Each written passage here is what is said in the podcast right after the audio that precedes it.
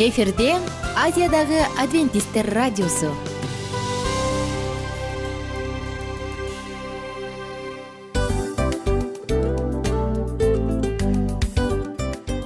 Достор салют. Баардык сүйүктүү угармандарыбызга салам айтабыз. Кутман күнүңүздөр менен. Ден соолук өмүрдүн булагы демекчи саламат саамы программасында баарыңыздарды көргөнүбүзгө абдан кубанычтабыз. Анда алгач амандашып өтөлү арбаңыздар деп. Ден соолугуңуздар кандай элибизде көбүнчө ден соолук кандай дегенде эле жакшы деп жооп беребиз э ооруп турсак дагы жакшы дейбиз. Анан мен муну айтып ойлойт элем бул абдан сонун сөз депчи анткени бул жакшы деген үмүт да э ооба баары жакшы болот баары сонун. Деп үмүттөнүп атып эле өзүбүздү өзүбүз дарылап коебуз. Анысы кандай? Сиздин дагы ден соолугуңуз жакшы беш деген үмүттөбүз чындыгында ден соолук бул өмүрдүн булагы деп бекеринен айтылган эмес деп ойлойм. Кыргыз элинде анткени эгерде ден соолук жок болсо анда адамдын жашоосунда калган баардык керектүү маңыздуу нерселер өзүнүн баалуулугун жоготуп коет. Ошондуктан ден соолук бул эң керектүү нерсе. Ооба туура айтасың кесиптешим. Чынында ден соолугуң жок бир эки үч күн ооруп калсаң эле э кандай болуп калат? Жашоодо көз каранды болуп каласың көп нерсеге жетишпей каласың көп нерсени кыла албай каласың жада калса эшикке дүкөнгө да чыга албай каласың. Туптуура анан ден соолук болсо демек биз биздин бактыбыз тоодой деп койсок болот. Анда достор саламат саамы рубрикабызды баштайлы. Алдыда өзүңүзгө керектүү болгон сонун кеңештерди уга аласыздар. Мына ошондуктан биз менен бирге болуңуздар. Ал эми биз болсо милан жана айнура.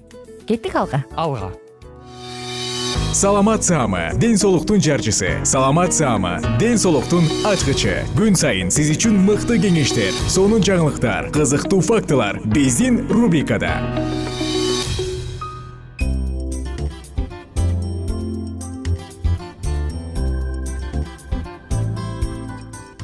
Салют достор. Баардык угармандарыбызга салам. Саламаттуу дене деп аталган программабызды чын жүрөктөн күтүп сагынып уккан угармандарыбыздын баардыгына ысык салам айтабыз. Бүгүнкү тема баштын чачтуу бөлүгү. Бүгүн сиздер менен ар бирибизди өзгөчө кылган жагымдуу кылган чачтарыбыз жөнүндө сөз кылабыз. Жакында бир блогер кыз эртең менен туруп күзгүнөн каранып чачың эртең менен узун кечинде кыска болсо деп кыялданам дейт. Бирок чынын айтканда ар бирибиздин көркүбүз бул чын эле чач. Адамдын прическасы чач жасалгасы көп нерсени айтып кое алат ишенесизби достор териден өсүп чыккан чач адамдын бир гана физикалык абалын эле эмес адамдын психологиялык абалын дагы көргө салат. Тагыраак айтсак чач адамдын ден соолугунун индикатору. Чач дагы жөн гана биздин бетибиздин жасалгасы эмес ал көз кол сыяктуу денебиздин бир бөлүгү. Андан сырткары ал бир эле эмес бир нече тапшырмаларды аткарат алар биздин башыбызды чачтар тагыраак айтсак температуранын регуляциясынан сактайт адамдын башын күндүн нурунан сактайт. Анан сенсордук рецепт сыяктуу болуп ар кандай э, кыймылга абанын кыймылдашына тийүүлөрдүн баардыгына тең өзүнчө реакция кылып келет. Ар бир чач адамдын башындагы өзүнүн тапшырмасын аткарып келет. Ар бир чач таң калыштуу экен. Келиңиздер анда. Бул жөнүндө сөз кылалы көрсө достор сиздин бир эле тал чачыңыздын сексен пайызы кератинден белоктон турат экен. Он он беш пайызы суудан ал эми калган беш он пайызы пигменттерден минерал жана липид деп коет эмеспи майлардан турат экен. Башка органдар сыяктуу эле чачтын өзүнүн дагы түзүлүшү бар. Анда кутикула же болбосо сырткы катмар бар. Тагыраак бир аз бир аз кыскача токтоло турган болсок чачтын түзүлүшү эмнеден турат? Кортекстен турат анын сексен пайызы чачтардан түзүлгөн. Эгерде биз чачыбызды кандайдыр бир химиялык жол менен боей турган болсок баардык өзгөрүү өңдүн өзгөрүшү дал ушул жаатта болот. Ал эми адамдын кадимки чачынын өңүнө фолликулдар жооп беришет. Фолликул бул чачтын тамыры. Дал ушул жерден чачтын өңү кандай болот ошонун чачтын тагдырынын баардыгы тең дал ушул жерден чечилет. Ал эми чачтын пигменттерин чачтын пигменттеринин түзүлүшүнө жооп берүүчү атайын пигменттик клеткалар бар. Ишенесизби достор? Эгерде чач агарды адам карыды дей турган болсоңуз анда ал чындыгында ак чач эмес. Ал болгону гана башка эки өңдүн айкалышы. Чач агарды дейбиз дагы бирок чач бир мындай бозомтук боло баштайт эмеспи? Чынында ал өң бозоро баштагандыгы эмес. Чачтын талдарында ар бир талда эки өң айкалыша баштаган учуру адамдын чачы дайыма ар кандай өсүүнүн фазаларында болуп турат. Көпчүлүгү сексен токсон пайызы бул өсүү фазасында анаген деп аталат. Бул учурда жаңы тамыр пайда болот дагы чач өсө баштайт. Ал чачтын бир чачтын узун өмүрүнүн узундугу же болбосо фазанын узундугу эки жылдан жети жылга чейин андан кийин кыскача бир атайын токтой тура турган же болбосо кийинки фазага өтө турган учур бар. Бул катаген деп аталат. Бул болсо экиден үч жумага чейин. Чач жөнүндө айта турган болсок достор чындыгында өтө көп маалымат бар. Бул тууралуу илим дагы бар. Ал тууралуу кененирээк алдыда айтып беребиз. Эми болсо кызыктын баардыгын айталы жалпысынан адамдын чачтары жука жана коюу болот эмеспи э? Баарыбызга маалым болгондой мунун баардыгы тең адамдын улутунан расасынан дагы көз каранды. Элестетип көрүңүз. Эгерде адам европеецтерден болсо анда анын чачы жалпагыраак болот. Ал эми азиаттардыкы тоголоок болот. Демек бул чоюлчаак жана ийкемдүү. Чачтын абалы көп учурда баштын терисинен дагы көз каранды. Ошондуктан баштын терисин таптакыр карап койбостон ага керектүү көңүл буруп туруш керек. Анткени суукта. Ал суукка ысыкта ысыкка өзүнчө бир катайы реакцияларын жүргүзөт. Ошондуктан абайлаңыз баш кийим кийбей жүрсөңүз же ысыкта баш кийим кийбей жүрсөңүз же катуу суукта топу кийбей жүрсөңүз анда башыңызды чачыңыздын өңү жакшынакай болуудан кала бербейт. Блондиндердин чачынын саны канча болду экен десеңиз ой сан жетпейт дейбиз бирок сан жетет экен жүз элүү миңге чейин болот экен брюнеттерде жүз он миңге чейин шатендерде жүз миңге чейин ал эми сары чачтууларда сексен миңге чейин болот экен. Ошон үчүн сары чачтуулар көбүнчө чачтары жука болуп териси көрүнүп турат эмеспи? Анан мунун баардыгы тең ушундан улам экен.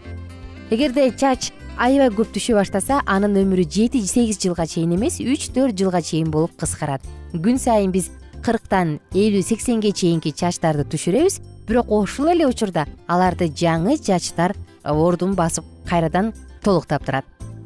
Эми чач ичке үзүлө берет э, сына берет дейт эмеспизби. Келиңиздер чач канчалык бекем экени жөнүндө айталы бир эле чач бир эле тал чач жүз грамм салмак көтөрө алат.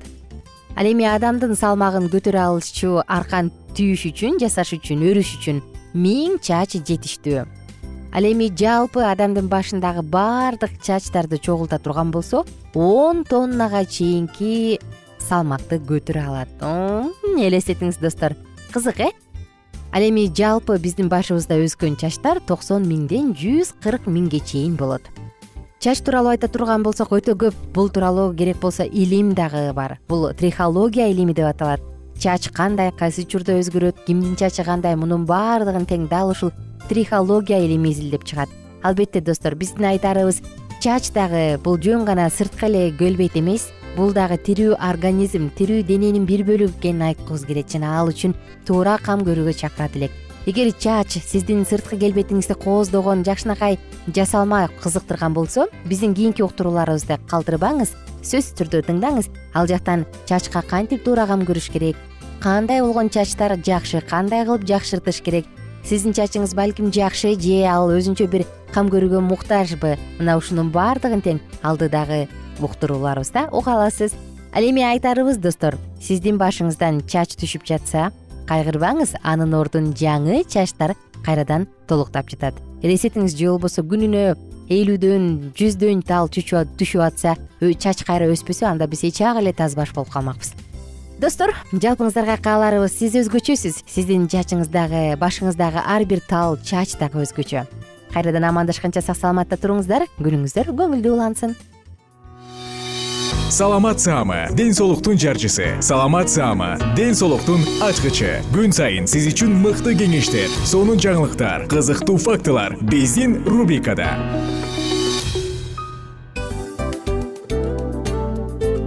Салют замандаштар баарыңыздарга ысык салам. Дил маек программабызга кош келиңиздер. Дил маек рубрикасы дегенде эле бул эмне болгон дил маек ким менен маектешебиз деп сурайт болуш керек угармандарыбыз бул рубриканы кыскача тааныштыра кете турган болсок ар тарап кесип ээлеринен болгон сонун интервью кеңештер бар. Ооба. Жылдыздар менен болгон маек бар. Аталарыбыздын агаларыбыздын чоң аталарыбыздан сонун кеңештер бар. Ошондой эле эже сиңдилердин кеңештери бар. Айтор баардык кызыктардын баары алдыда. Негизи эле адам баласы бир кимдир бирөөнө ишенип сырын ачкысы келет эмеспи э мындай баарлашууга жакын келебиз го. Албетте. Негизи бир жерге отуруп алып кенен шашпай баягы жүрөктөн жүрөккө ачып сырларыбызды ар кандай көйгөйлөрүбүз менен бөлүшүп баягы чын жүрөктөн маек курганды кимибиз сүйбөйбүз э? Ооба десең ал нерсеге суусап да келебиз да. Ооба кээ бирде адамга чындыгында баягы э, ысык маек баягы жылуу маек жетишпейт да. Ошондуктан биз ушул рубриканы ойлоп тапканыбызда эң биринчи эле достор сиздер менен чын жүрөктөн бир маңыздуу темаларды козгоп кеткени э, кааладык. Ошондуктан ушундай сонун бир рубриканы тартуулап жатабыз? Анын үстүнө радио дагы сонун дос да анткени э, мындай учурда досуңа айтсаң досуң досуна айтат досу досуна айтат да анан бүт өлкө билип калышы мүмкүн го. А радио болсо сени сатпаган сенин айыбыңды ачпаган сенин сырыңды эч кимге айтпаган сонун дос. Ошондуктан биздин алдыдагы айта турган кеңештерибизди биздин досторубуздун кеңештерин угуп анан ал жака пикириңизди дагы калтырып кайрадан биз менен байланышсаңыздар болот деги эле жашооңузга эгерде кичине болсо дагы өзгөрүү алып моралдык жактан нравовдук жактан сонун бир кеңештерди алсаңыз демек биз максатыбызга жеттик. Ооба. Чыңгыз атабыз улуу жазуучу э, чыңгыз айтматов айткандай адам болуу бул күнүмдүк процесс экен. Күн сайын адам бойдон калуу бул адамзатка эң эле кыйын дейт э? э эң кыйын дейт. Чындыгында бунун э, негизинде адамдын эң баягы сапаттуулугу адамдын э, адамгерчилиги жана көптөгөн керектүү нерселер мына ошол темалар дагы бизде э, ушул дил маекте биз аларды да козгойбуз. Э, ден соолук жөнүндө да сүйлөшөбүз. Сөзсүз түрдө. Анан милан мырза негизи айтып коюшат го. Биз көбүнчө эмнени ойлонсок ошол нерсеге карата иш кылабыз го. Анан анысы кандай балким бул радио баракчада кимдир бирөөнүн оюн текшергенге жардам берет кимдир бирөөнүн жүрөгүн текшергенге жардам берет. Балким кимдир бирөөгө жашоонун маңызын тапканга жардам берер.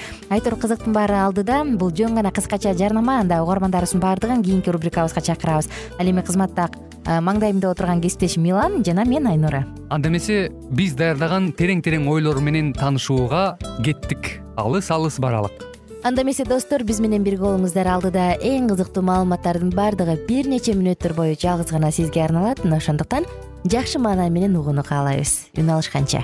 Жөнөдүк.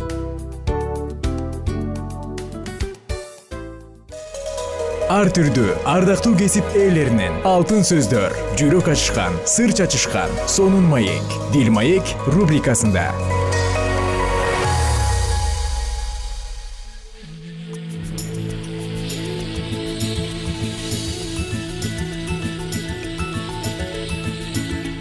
саламатсыздарбы урматтуу радио угармандарыбыз. Кайрадан сиздердин назарыңыздарда кыргызстанга саякат аттуу берүүбүздө кездешип жатканыбызга өтө кубанычтабыз. Бүгүнкү программабыздын чыгарылышында кыргызстаныбызда ажайып бир кереметтүү э, жерлердин бири болгон бул албетте кыргыз жайлоосу туурасында сөз кылабыз. Негизинен эле жайлоо деген сөздү укканда ар бир эле адам э, бир э, кандайдыр бир кубанычка же болбосо ошол жайлоонун салкын абасын элестетет эмеспи анда эмесе жайлоо туурасында бүгүн биз сөз кылат экенбиз. Биздин толкундан алыстабай биз менен бирге болуңуздар. Кыргыз дегенде чыңгызды кыргызстан дегенде көк шибер кең жайлоолорду элестетип турбайбызбы? Жайлоо демекчи салкын абасын мөлтүрөп аккан булактын кышы жайы ээрибеген мөңгүсүн шаар аккан суунун жыпар жуттуу гүлдөрдү арча жыттанган токойлорду кымыз жыттанган бооз үйдү деги эле койчу көп нерселерди элестетип кетет эмеспизби. Жайлоо жөнүндө албетте жаза берсек абдан көптөгөн чыгармалар жаралат болуш керек. Андыктан кымбаттуу угармандар бүгүнкү берүүбүздө биз менен бирге ушул э, жайлоо тарапка саякатка бирге жөнөйлү.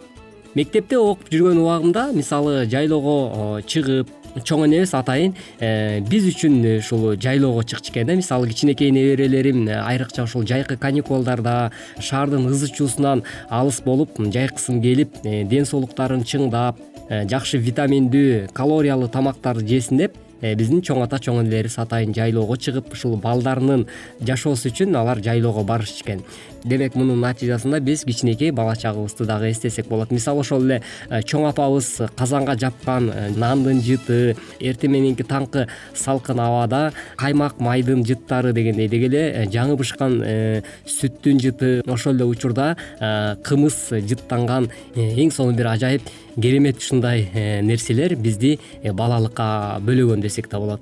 Айрыкча ушул кичинекей чагыбызда мисалы мен азыр ойлоп кеттим да эгерде мен ошол артка кайрылып бара турган болсом демек э, мисалы биз он беш же жыйырма күн эле араң чыдап анан кайра өзүбүздүн үйүбүзгө шашканга аракет кылчу элек. Ата канат бүгүнкү күндө эгерде ошондой мүмкүнчүлүк болсо анда үч айлап деле жүрө бергиң келет. Мисалы э, чоң энең э, сүзүмөнү эзип жатканда курут жайган учурлар көз алдыңа тартылат. Ошол эле убакта чоң апабыздын ую саап жатканда сүттүн дагы жыты бир өзгөчө бир башкача болчу да.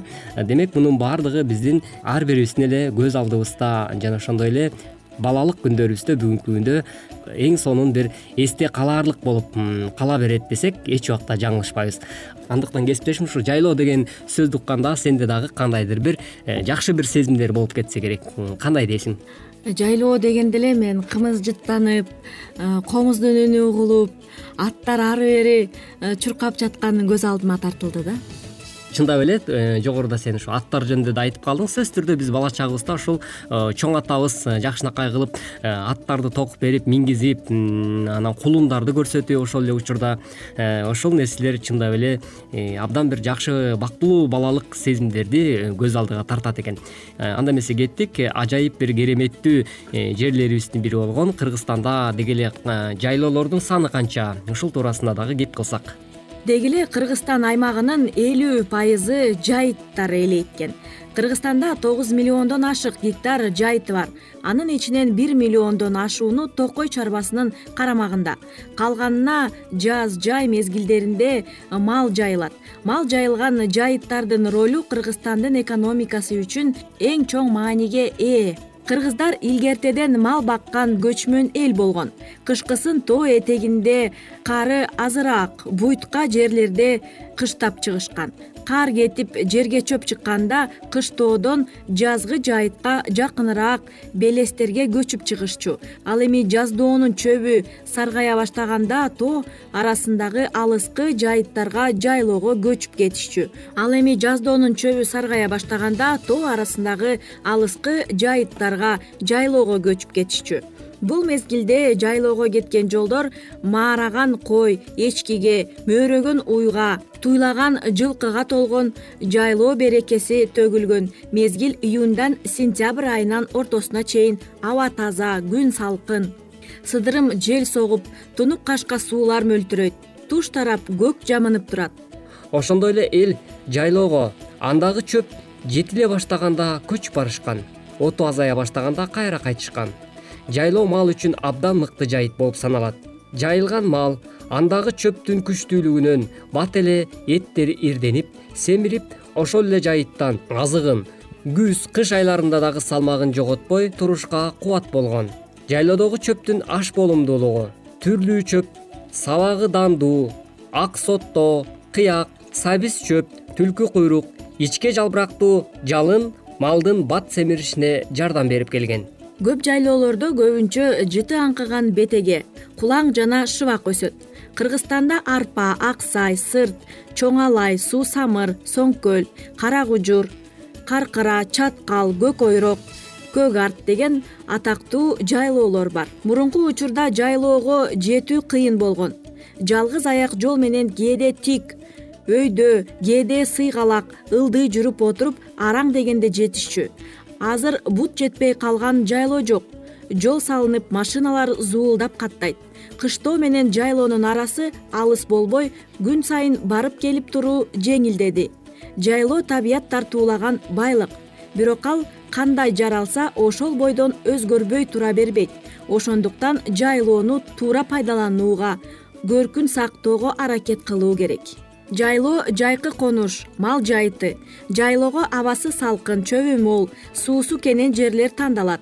Жайлоо ички жана сырткы болуп бөлүнөт. Ички жайлоого бөксө тоолордогу сырткы жайлоого алыскы бийик тоолордогу ысык көлдүн сырткы жайыттар кирет.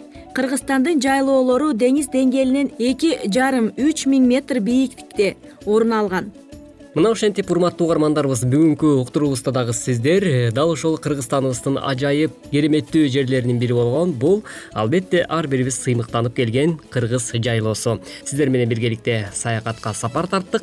Эмки берүүбүздөн кайрадан эле дал ушул аба толкундан сиздер менен аманчылыктан үн алышканча сак саламатта болуңуздар. Ар түрдүү ардактуу кесип ээлеринен алтын сөздөр жүрөк ачышкан сыр чачышкан сонун маек дил маек рубрикасында жан дүйнөңдү байыткан жүрөгүңдү азыктанткан жашооңо маңыз тартуулаган жан азык рубрикасы.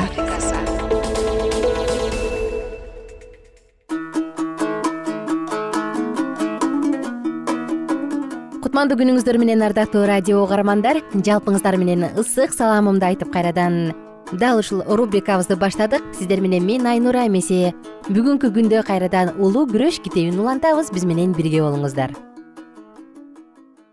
кайрылуу жана ыйыкталуу адамдар менен кудай элдешип жана анын эрки менен жашаган сыяктуу эле ажырагыс нерсе. Башталышында адам кудай түспөлүндө жаратылган. Жана ал жаратылыш жана анын мыйзамы менен жеткилең тыкыз байланышта эле. Адилеттиктин негиздери анын жүрөгүндө жазылуу болчу. Бирок күнөө аны кудай менен ажыратты. Жана адам өзүндө кудайдын бейнесин чагылдырууну токтотту. Жана анын жүрөгү кудайдын мыйзамдарына каршы согуш жарыялаган. Денелик ойлор кудайга каршы душмандык анткени ал кудайдын мыйзамдарына баш ийбейт жана баш ие дагы албайт деп жазылган римдиктерге жазылган кат сегизинчи бап жетинчи аятта. Бирок кудай дүйнөнү ушунчалык сүйгөндүктөн өзүнүн жалгыз уулун берди. Өзүн адамдар менен элдештирүүнү каалады жана машаяктын жасаган ишинин урматына адам кудай менен тыкыз байланышта болуу мүмкүнчүлүгүн алган анын жүрөгү кудайдын ырайымы менен жаңыланышы керек жана ал жаңы кудайдан келген өмүргө ээ боло алат. Ушул өзгөрүү экинчи төрөлүү болуп эсептелет. Ыйса машаяк мындай болбой турган болсо адам кудайдын падышалыгын көрө албайт дейт. Кудай менен болгон элдештирүүнүн алгачкы кадамы бул күнөөнү сезүү мыйзамсыздык өзү күнөө болуп эсептелет жана мыйзам аркылуу күнөө таанылат. Өзүнүн айыптуу экендигин сезиш үчүн күнөөкөр өзүн кудайдын улуу таразасы менен сынап көрүшү керек. Бул адилеттүү мүнөздүн жеткилеңдигин ачып берип жана адамга өз кемчилигин көрүүгө жардам берип турган күзгү болуп саналат. Мыйзам адамдарга алардын күнөөлөрүн гана ачат бирок адамдарды күнөөдөн арылта албайт. Ким аны аткара турган болсо ага түбөлүк өмүр убада кылынган. Ал эми аны бузган адамдардын экинчиси өлүм. Бир гана машаяктын жакшы кабары адамды күнөөнүн каргышынан жана жамандыгынан куткара алат адам кудайдан анын мыйзамдарын бузгандыгы үчүн кечирим суранып машаяктын ал үчүн төккөн канынын урматына ага кайрылышы керек. Ушундай кылуу менен гана ал күнөөнү калтыруу жөндөмдүүлүгүнө ээ боло алат жана кудайдын сапатына шериктеш болот. Ал эми кудайдын уулу бала кылып алуу рухун алган жана ал авва ата деп кубануу менен үн ката алат эми ал кудай мыйзамынын талаптарынан бошотулабы? Элчи пабыл мындай дейт. Демек биз ишеним менен мыйзамды жок кылабызбы? Эч кандай. Бирок мыйзамды бекемдейбиз. Биз күнөө үчүн өлгөнбүз. Эми кантип анда жашай алабыз? Жана жакан мындай дейт. Анткени кудайды сүйгөндүгүбүздү анын парыздарын сактап жүргөнүбүздөн билебиз. Жана анын осуяттары кыйын эмес римдиктерге жазылган кат үчүнчү бап отуз биринчи аят алтынчы бап экинчи аят биринчи жакан бешинчи бап үчүнчү аяттарда жазылган аяттар. Жаңы төрөлүүдө биздин жүрөк кудай жана анын мыйзамдары менен элдешет. Качан күнөөкөрдүн жашоосунда мында ушундай чоң өзгөрүү болгондо гана ошондо адам өлүмдөн өмүргө күнөөдөн ыйыктыкка мыйзамсыздыктан жана нааразычылыктан баш ийүүчүлүккө жана ишенимдүүлүккө өтөт. Кудайдан баш тарткан жашоо аяктап келишимдүүлүктүн ишенимдин жана сүйүүнүн жаңы жашоосу башталат. Ошондо мыйзамдын адилеттиги дене боюнча эмес бирок рух боюнча жашаган биздин ичибизде аткарылат. Жана биз бүт жүрөгүбүз менен минтип айта алабыз. Мен сенин мыйзамдарыңды кандай жакшы көрөм? Жана ал жөнүндө күнү бою ойлоном. Забур жүз он сегизинчи бап токсон жетинчи аятта жазылган. Кудайдын мыйзамы жеткилең жанды кубаттайт кудайдын мыйзамы болбосо адамдар тазалык жана ыйыктык жөнүндө өздөрүнүн айыптуулугу жана ыпластыгы жөнүндө элестете албаган сыяктуу туура элестете алышпайт. Алар өздөрүнүн күнөөкөр экендигин сезбегендиктен тобо келтирүүгө өз муктаждыктарын дагы билишпейт. Кудайдын мыйзамын бузган өздөрүнүн өлүм алдындагы абалын байкабастан алар кудай менен элдештирүүчү машаяктын канына муктаждыктарын сезбейт.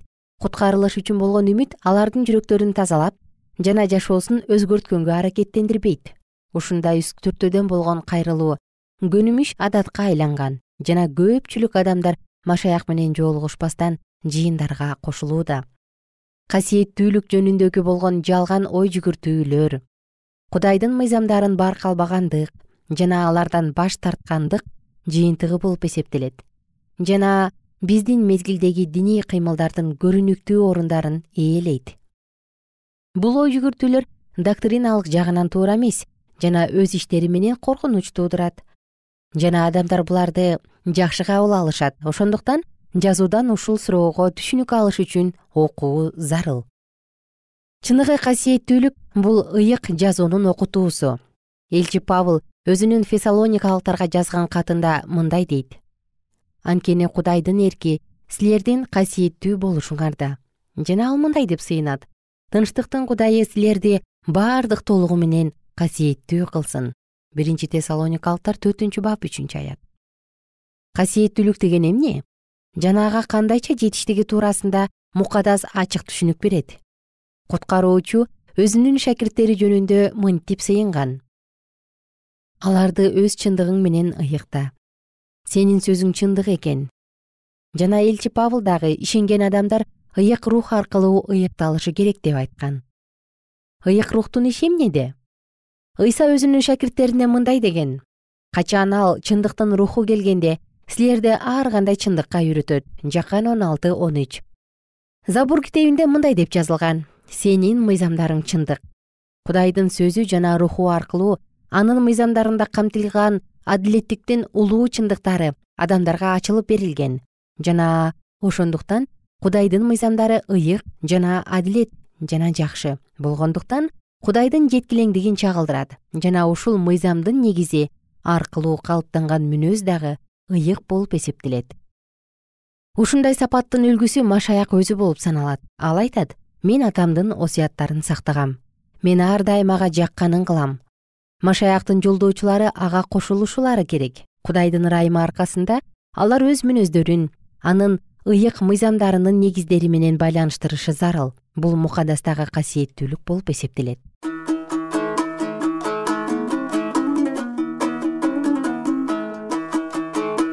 Ардактуу замандар сиздер менен кийинки уктуруудан амандашканча сак саламатта туруңуздар.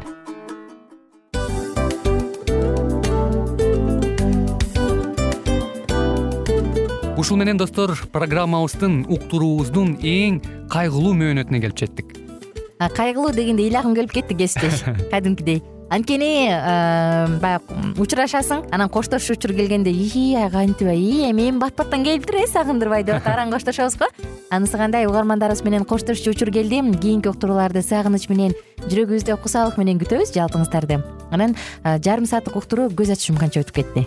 Сөзсүз бирок бизде жакшы кабар бар. Кийинки уктурууларыбызда сөзсүз дагы кезигишебиз. Анткени биз көптөгөн сюрприздерди кызыктуу маалыматтарды жана керектүү керектүү нерселердин көбүнчөсүн даярдадык анда угармандарыбыздын баардыгына ийгиликтүү күн каалайбыз. Эгерде бүгүнкү күнүңүз өзгөчө э, өтүшүн кааласаңыз анда позитивдүү ой жүгүртүп жылмайып жакындарыңызга жакшы маанай тартуулап жүрө бериңиз анткени сөзсүз түрдө мунун арты кайтат э? Сөзсүз. Баягы ден соолугуң оңолот ал бул деп көп нерсени санап келебиз. Эң негизгиси бул сиздин жашооңузду жаркын кыла түшөт экен.